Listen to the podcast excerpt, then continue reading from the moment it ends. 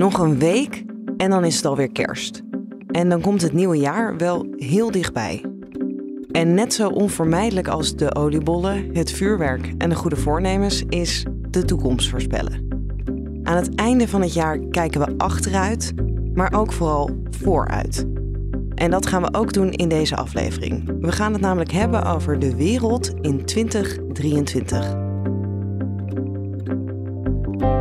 Ik ben Pauline Huuster en dit is De Week Voorbij, de weekendpodcast van het FD. De Wereld in 2023 is een tijdschrift en dat het soort tijdschrift maken we al een jaar of 15 bij het FD. Dit is collega Hans Helen.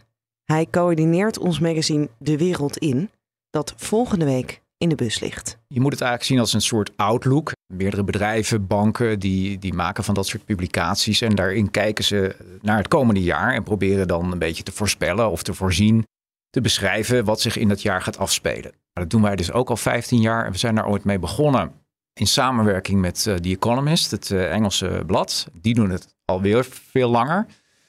En uh, we hebben een paar jaar met hen samengewerkt, waarbij we dus ook artikelen overnamen. En op een gegeven moment hebben we gezegd van nou, we kunnen het nu zelf. Dus toen zijn we het zelf gaan doen.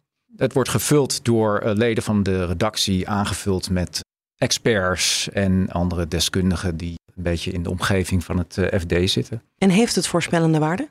Nou, dat is een hele goede vraag. Uh, die hebben wij onszelf uh, bij dit nummer ook expliciet gesteld. Want het, de, de, editie van dit jaar begint met een soort dossier over het voorspellen van de toekomst. Hoe doe je dat nou en, en werkt het eigenlijk wel? Nou, de conclusie van de auteur is eigenlijk van hè, mensen proberen dat natuurlijk al heel lang. Als je het over de hele lange termijn bekijkt, klopt er eigenlijk meestal helemaal niks van wat uh, mensen voorspellen. We zijn gewoon heel erg slecht in voorspellen.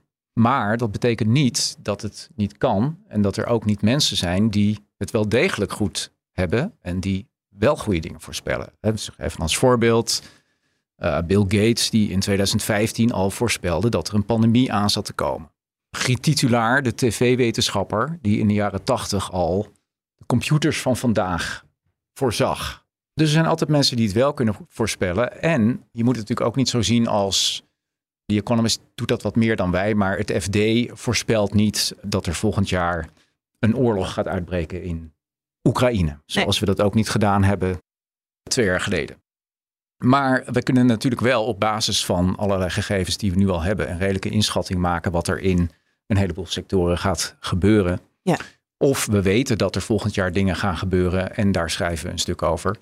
Dus het zijn meer goed geïnformeerde verhalen die met een redelijke inschatting proberen te vertellen wat uh, het komende jaar gaat brengen. Zo ja. moet je het zien. En het staat uh, onder jouw leiding. Bedenk jij ja. dan ook zelf de verhalen en kies je de auteur erbij uit? Of hoe gaat dat? We beginnen vroeg in de zomer, meestal juli, augustus, begin ik me een beetje zorgen te maken van oké, wat, uh, wat gaan we doen? Dan ontstaat er altijd een soort existentiële crisis van, maar we hebben geen idee, want weten wij veel wat er volgend jaar allemaal gaat gebeuren. En dan hebben we intussen geleerd hoe we dat een beetje moeten organiseren. Dus wat ik meestal doe is, uh, ik begin met uh, de art director, Mick Peets. Dan gaan we altijd op maandagochtend bij Café Thijssen in Jordaan koffie drinken. En dan gaan we inleidende beschietingen houden. Van nou, heb jij al ideeën? En wat zou dat dan kunnen zijn? Wat hebben we vorig jaar gedaan? Wat werkte wel, wat werkte niet? Wat ik vervolgens doe is meestal een soort mensen van binnen en buiten de redactie om me heen verzamelen en er een soort tijdelijke redactie van maken. Dus gewoon met veel mensen praten van heb jij nog ideeën? Dan ontstaat er meestal toch wel een soort van ja, beeld. En dan weet ik eigenlijk nog steeds niet heel erg veel, maar dan ga ik uh, echt met de auteurs praten. En dat is het fijne van het FD. Iedereen heeft hier natuurlijk zijn portefeuille en mensen weten daar ook alles van af. Dus als je met die mensen in gesprek gaat, komen ze zelf eigenlijk al heel erg snel op goede ideeën. Waar ik af en toe iets aan toevoeg. Heel af en toe vraag ik ook iemand wel eens wat. Of ik vraag een freelancer wat.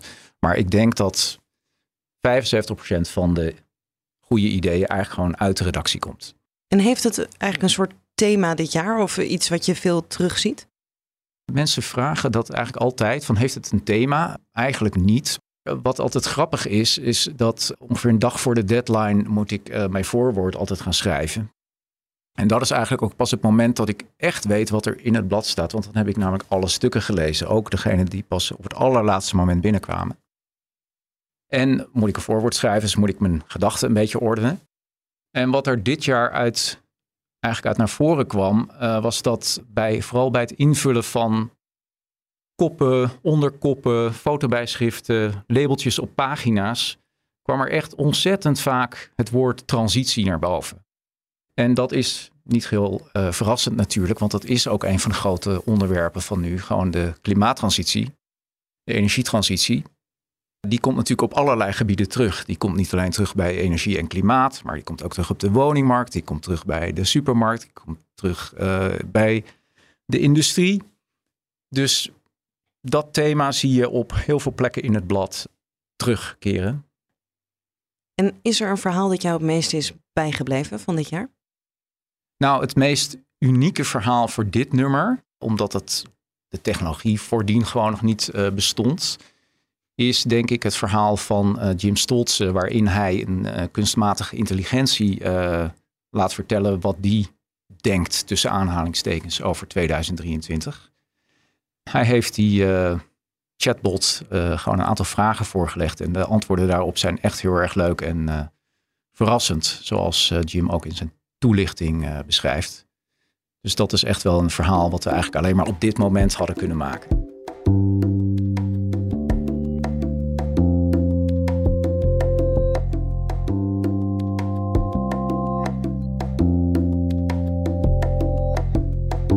Ik was eigenlijk in de wieg gelegd om gitaar te spelen, maar uiteindelijk is het knutselen met software geworden. Dus ik ben nu, noemen mensen mij tech-ondernemer. Ik bouw bedrijven met, uh, met nieuwe technologie.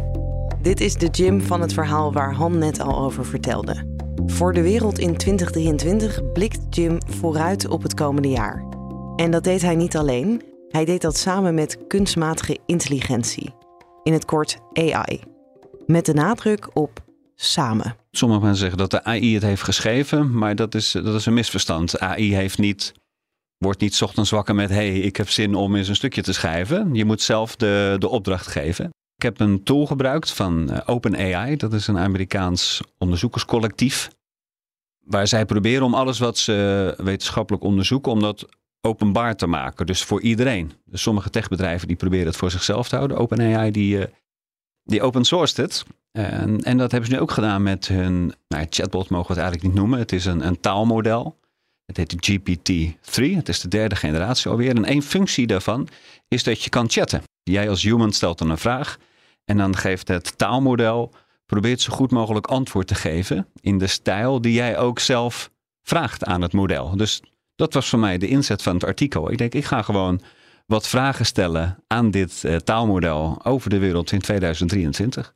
Want wat is dan de stijl die jij hebt aangegeven? Financial Times. Oké. Ja. Maar dan, want het was origineel in het Engels.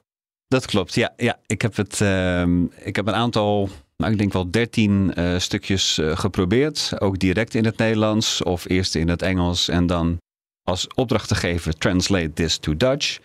Maar ja, het moet ook wel een beetje lekker lezen. Daarom hebben we dus de Engelse stijl voor de Financial Times gekozen. En daarna heb ik en ook de eindredacteur nog daar een Nederlandse versie van gemaakt. En het begon dus met de wereld in uh, 2023. Kon die daar gelijk wat mee, de AI?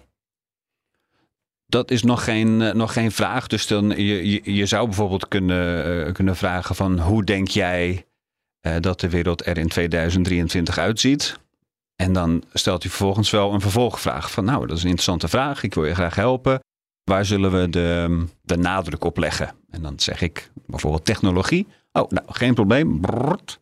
En dan komt er een hele rits van mooie zinnen die, uh, die goed bij elkaar passen. Waarin zegt, nou, ik verwacht dat uh, kunstmatige intelligentie en robots, een beetje wij van WC 1, ja.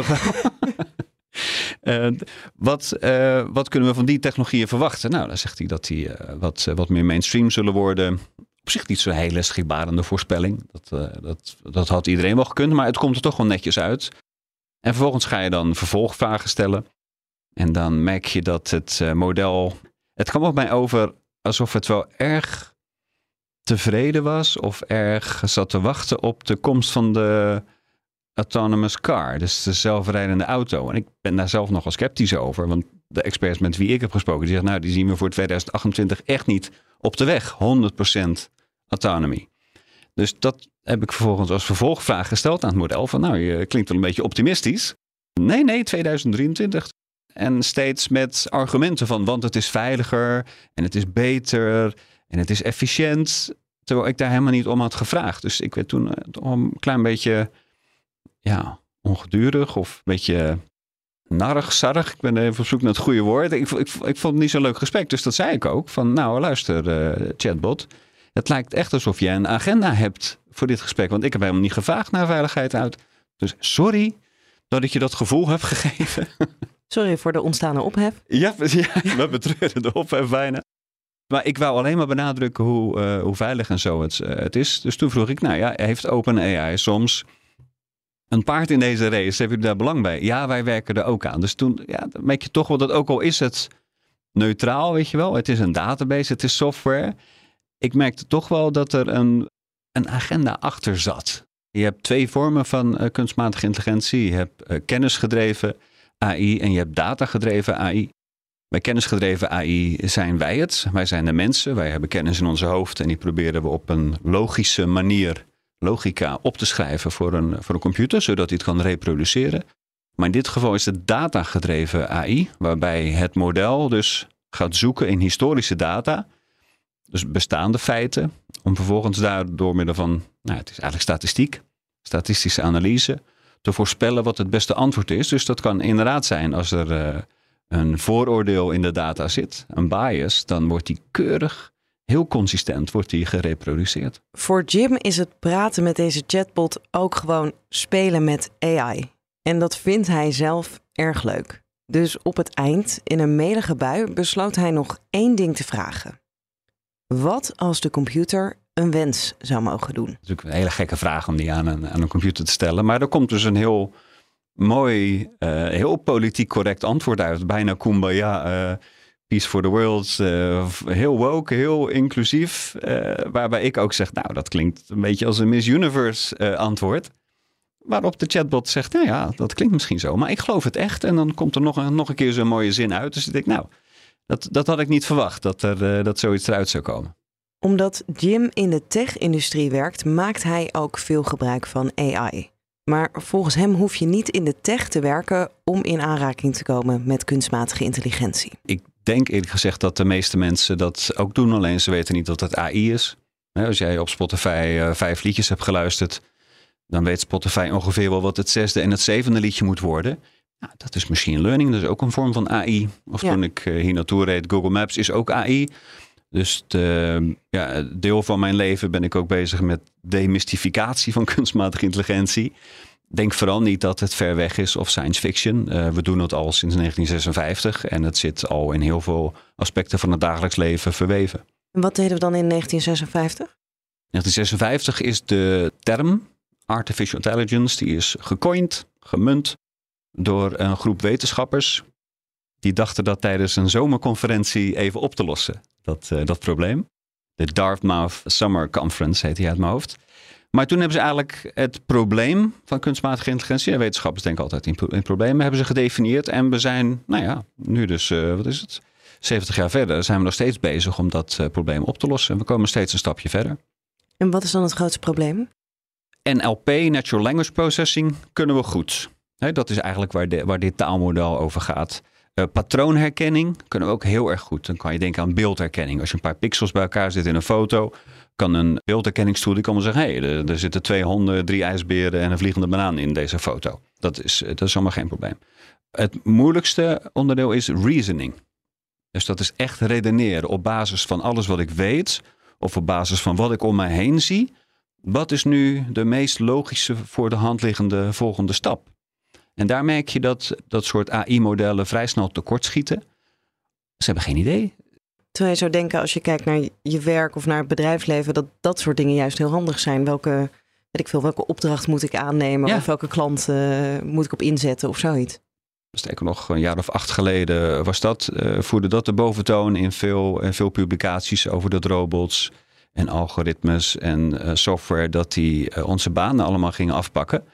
En dat is een grote hoax uh, gebleken. Dat is, uh, daar klopt helemaal niks van. Er zijn nog komen mensen tekort op, op alle vlakken. Want het blijkt eigenlijk dat die AI en die robots, die hebben ervoor gezorgd dat iedereen productiever wordt. Mhm. En die banen zijn helemaal niet verdwenen. Nee, de banen zijn veranderd. Dus het kan best zijn dat ook bij jouw werk of bij mijn werk, dat een, een bepaald onderdeel van mijn beroep, dat dat nu veel sneller gedaan wordt, waardoor ik opeens tijd overhoud om andere dingen eh, te doen. En dat is, eh, dat is een goede zaak, want veel mensen die gedragen zich eigenlijk als robots. Die gaan naar hun werk s ochtends om negen uur en dan zoeken ze informatie op het ene systeem en dan typen ze het in in het andere. Dan gaan ze om vijf uur naar huis in de veronderstelling dat ze hard hebben gewerkt. Maar je kan je ook wel afvragen, nou ja, een deel daarvan had je misschien ook kunnen automatiseren. En wat zou jij dan doen in de tijd die vrijkomt? En dan zeggen mensen, oh, nou, dan zou ik waarschijnlijk eh, die klant even gebeld hebben. Of dan zou ik even met mijn collega even koffie zijn gaan drinken. Wow, dat is belangrijk. Vind je dat het bedrijfsleven dit al goed oppakt, de mogelijkheden die er op dit moment zijn? Nee, dat is nog wel eens uh, teleurstellend. Want waar zie je het wel goed gaan? Nou, een goed voorbeeld daarvan is uh, Booking.com, hier, hier vlakbij. Die zullen niks beslissen zonder dat dat uitvoerig is getest. Zeker nog, die doen honderden digitale experimenten per dag. Om te kijken wat het beste is om die klantreis die je hebt op booking.com, om die, nou misschien voor hun KPI's, zo efficiënt mogelijk te laten verlopen. En daarmee ook natuurlijk voor de klant, want wij willen ook gemak en, en, en de laagste prijs. Dat wil zeggen, als je bij booking.com in een meeting zit en je zegt, jongens, ik heb een goed idee. Nou, dan word je eigenlijk uitgelachen. Want anyone can have an opinion, but without data, you're just another person with an opinion. Dus je moet het aantonen door middel van een experiment. Ik vroeg Jim, waar kijk je op korte termijn het meest naar uit op het gebied van kunstmatige intelligentie? Om dat te beantwoorden had hij iets voor me meegenomen. Ik heb hier ook, zie je misschien achter mij, heb ik iets, iets voor, je, voor, je, voor je meegenomen. Dat, uh, je mag het niet houden, je mag er wel naar kijken. Dat okay. gaat zo uitpakken. Ja, spannend. maar dat, nou, zal ik het gelijk doen? Dat is... Ja, waarom niet? Wat je ons nu hoort doen is iets uitpakken. De luisteraars horen nu waarschijnlijk geritsel. Ik heb hier... Wippeltjes plastic, ook altijd leuk. Een soort pakjesavond uh, voelt het. Jim wilde namelijk bewijzen dat er al situaties zijn geweest waarin AI mensen behoorlijk verrast heeft. Ja, ik zie een lijst. Nu laat ik het aan jou zien. Ah ja, op kop. Kan jij ongeveer beschrijven hoe het eruit ziet? Nou, ik zie een oude, nou ja, een beetje versierde lijst. Ja. En dit, nou ja, ik, ik denk dus omdat we het over AI hebben, dat dit waarschijnlijk door AI is gemaakt. Maar we zien uh, een plaatje van uh, verschillende mensen in een soort, nou ja, Romeinse of middeleeuwse kledij. Die kijken naar een soort opening met een, ja, een wereld, een landschap. Mooi ja, beeldend omschreven. Het is inderdaad een schilderij um, gemaakt door AI. Ja? Spoiler alert. Alleen dat wist de jury niet. Dit schilderij heeft een prijs gewonnen in Amerika. Waarbij dus heel veel kunstenaars iets hebben ingezonden. En de jury heeft deze uitgekozen als prijswinnend uh, kunstwerk. Waarna vervolgens het internet over de zijk ging. Want wat bleek, de kunstenaar had dit niet zelf gemaakt met pijn, lijden, verf en kwasten. Maar met AI. Want wacht even, een tool... mag ik het heel even pakken? Jazeker, ja. Het heet Mid Journey, dus dat is vergelijkbaar met uh, DALI van OpenAI. Ja. Um, heeft hij dus een prompt ingegeven, 90 woorden, een unieke prompt. En daarvan heeft het model dus geen tekst geschreven, maar een beeld gecreëerd. Dit beeld bestond nog niet. De technologie heet diffusion, dat hij een aantal verschillende stijlen, verschillende, verschillende kunstwerken met elkaar versmelt als het ware. En dat levert dit mooie plaatje op.